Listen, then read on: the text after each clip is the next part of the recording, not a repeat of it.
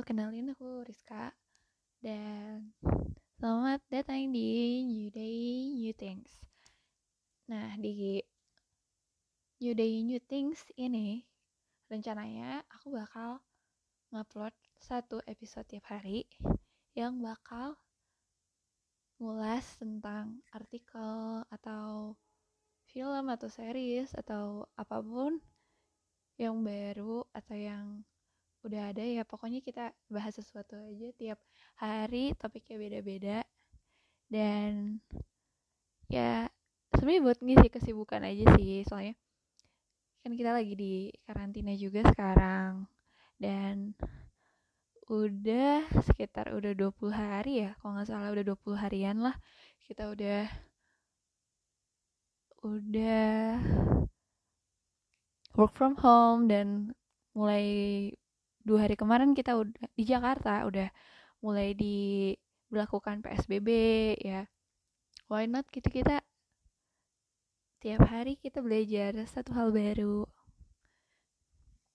Nah untuk yang sekarang kemarin aku baru baca artikel tentang burnout ya.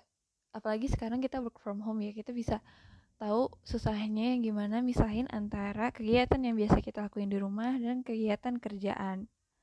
Dan itu tuh sangat banyak yang ngalamin juga sih kayak aduh kenapa sih kalau misalkan work from home tuh kayak jauh lebih banyak kerjaannya? Atau kayak um, aduh jadi males jadi ma jadi mager gitu. Aduh enak rebahan gitu.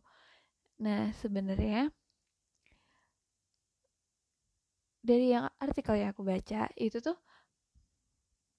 untuk gimana untuk kita ngerasain capek untuk kita ngerasain burnout. Burnout kalau misalkan yang nggak tahu burnout itu tuh di saat kalau misalkan kita udah kerja kerja udah kerja udah kerja cukup keras lembur mungkin. Nah terus kita ngerasa capek banget sampai kita tuh kayak gak bisa langsung kerja lagi gitu loh kayak harus ada pausnya entah untuk berapa hari untuk berapa bulan dan bahkan ada orang yang ngerasa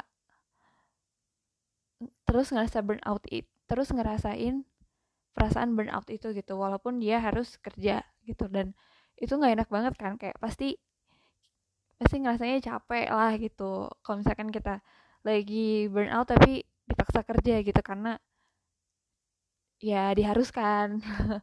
Nah untuk nah dari artikel kemarin itu tuh kita ngebah uh, khususnya ini aku coba baca lagi deh. Ini tuh artikel dari Harvard.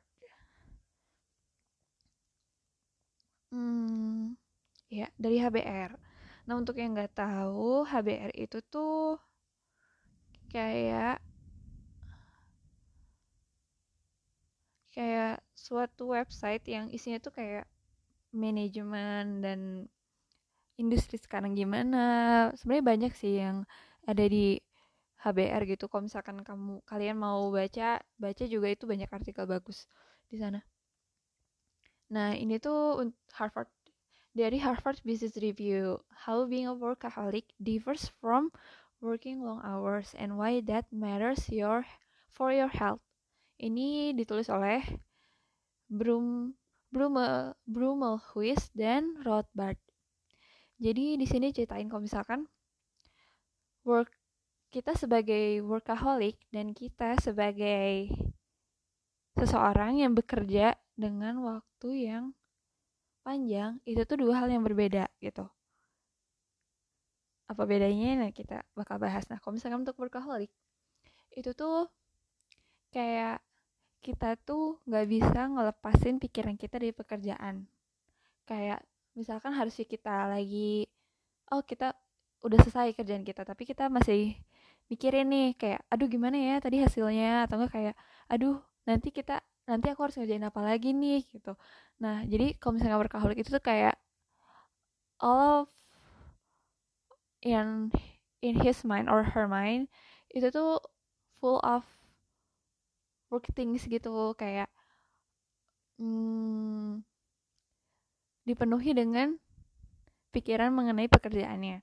Nah untuk yang working for long hours itu tuh ya kita bekerja dengan waktu yang panjang gitu kayak oh misalkan aku lagi ada kerjaan nih dan harus selesai jadi aku harus ngerjain dari pagi sampai malam gitu. Nah itu berarti aku working for long hours dan setelah aku selesai mungkin aku udah oh udah udah selesai gitu. Dan aku istirahat dan aku udah nggak usah mikirin lagi nih kerjaan aku yang tadi kerjaan aku sebelumnya. Nah itu aku kerjanya dalam waktu yang cukup lama kan kayak dari pagi sampai malam. Tapi untuk pikiran aku pikiran aku nggak dipenuhi dengan pekerjaan gitu. Jadi kayak berarti aku tuh bukan workaholic tapi working for long hours. Nah dari kedua perbedaan itu nah diteliti lagi ternyata dari hasil cek kesehatan untuk orang yang workaholic itu tuh mereka cenderung mempunyai masalah kesehatan kayak masalah psikologis juga. Kalau misalkan kalian uh, familiar itu psikosomatik gitu. Itu juga banyak lagi dibahas sekarang karena uh, ya kita tahulah gejala-gejala suatu penyakit apa dan kita lagi kepikiran itu terus dan kita juga ngerasain akhirnya gitu. Nah itu tuh kalau misalkan kita workaholic itu kecenderungan kita untuk merasakan gejala-gejala yang sebenarnya kita nggak ada penyakitnya itu tuh lebih tinggi. Dan salah satunya juga ada kecenderungan untuk high kolesterol ya dan sebenarnya tuh workaholic itu dibagi dengan dua dua alternatif bukan dua alternatif ya dua pilihan lah dua dua cabang lagi gitu untuk workaholic. Nah ada workaholic yang terengage dengan baik sama ada yang kayak nggak engage dengan work dengan pekerjaannya. Kalau misalkan dari dua hal itu sebenarnya kalau kita kalau kita workaholic dan kita itu termasuk orang yang nggak terengage dengan pekerjaan kita itu tuh kecenderungannya kita lebih parah lagi daripada orang yang engage. Sementara itu kalau kita secara logika gitu ya orang yang terengage itu berarti lebih sibuk kan pastinya. Kayak ya lebih terinvolve lah de dengan pekerjaan-pekerjaan dia gitu. Sedangkan yang nggak terengage ya mereka lebih cuek gitu. Walaupun di, mereka mikirin pekerjaannya tapi mereka nggak terlalu involve lah dalam dalam di organisasinya. Nah dari situ uh, kalau dari logikanya pasti lebih sibuk yang engage gak sih? Kayak lebih capek lah lebih ya lebih banyak effortnya gitu untuk di pekerjaannya. Sedangkan yang biasa ya ya biasa aja. Itu tuh kalau kita lihat kesannya bakal lebih stres yang terengage kan karena oh lebih sibuk lah pasti dia lebih capek lebih stres. Dan ternyata enggak guys. Jadi kayak uh, ternyata tuh kalau misalkan kita lebih terengage dengan pekerjaan kita kita tuh lebih lebih apa ya lebih banyak punya dukungan dengan dengan orang-orang. Paham nggak? Jadi um, untuk untuk yang kita engage itu tuh orang-orang tuh lebih respect sama kita. Orang-orang tuh lebih lebih memberikan dukungannya ke kita. Dan ternyata itu itu yang kita perluin gitu. Itu yang kita perluin dalam bekerja dalam melakukan apa pun. Dan kalau kita ambil juga tadi sebelumnya kita udah bahas kalau misalkan orang yang nggak workaholic itu lebih cenderung lebih memiliki badan yang sehat jasmani dan rohani yang lebih stabil. Nah itu tuh jadi pelajaran juga sih buat kayak orang-orang kayak yang sedang working from home dengan orang-orang yang mungkin lagi pusing karena kerjaannya gitu. Jadi kalau misalkan kata kakak tingkat aku sih bilang sebenarnya sih kuncinya ada kuncinya kuncinya dalam melakukan pekerjaan itu tuh jangan dibawa jangan dibawa um, ke workaholic gitu. Jadi kuncinya itu tuh jangan dibawa suatu pekerjaan jadi workaholic gitu. Ke kitanya kitanya jangan workaholic. Nah karena ada si workaholic ini tuh menambah beban pikiran kita juga.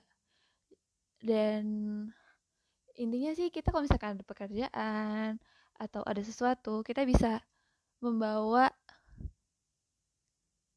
mengerjakan dengan ya kita jalanin aja gitu. Kita jalanin kita kerjain kita selesain. Nah dengan kita jalanin dan selesain itu tuh itu akan memudahkan kita juga dalam melakukan pekerjaan. Karena ketika kita sudah menyelesaikan suatu pekerjaan kita bisa mengurangi beban yang beban yang beban pikiran kita juga gitu. Jadi ya kalau misalkan kita workaholic kita bebannya ada dua. Beban pikiran sama beban pekerjaan. Kalau misalkan kita nggak workaholic ya udah.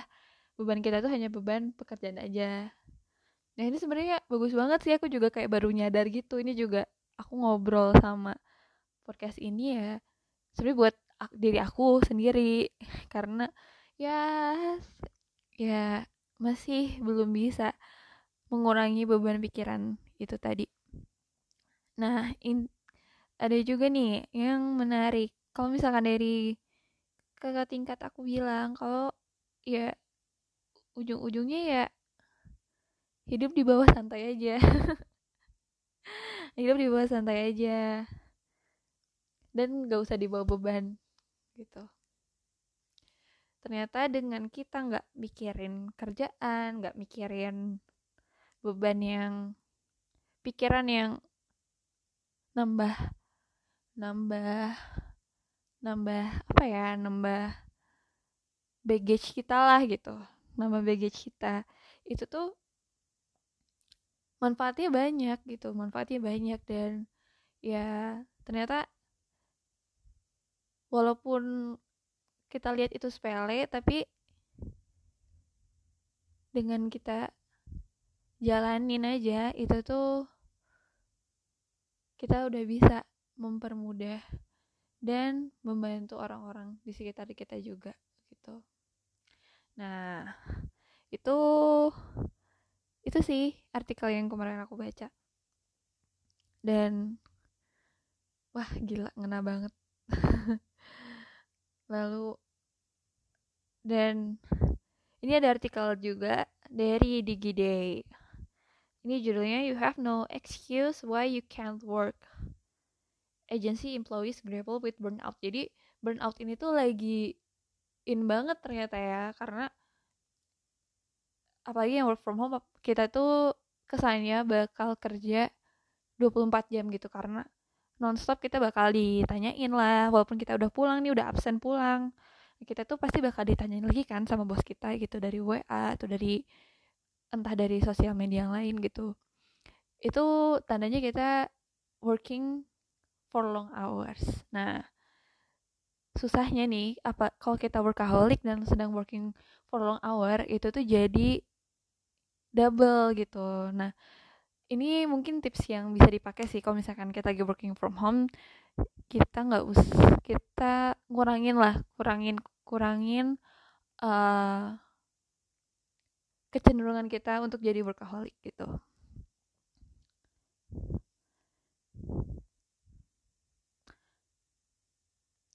um, intinya sama sih artikelnya.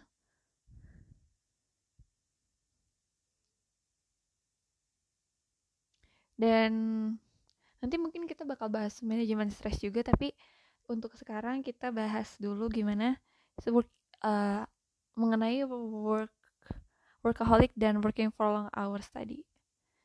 Dan udah udah cukup sampai di sini dulu kita bahas tentang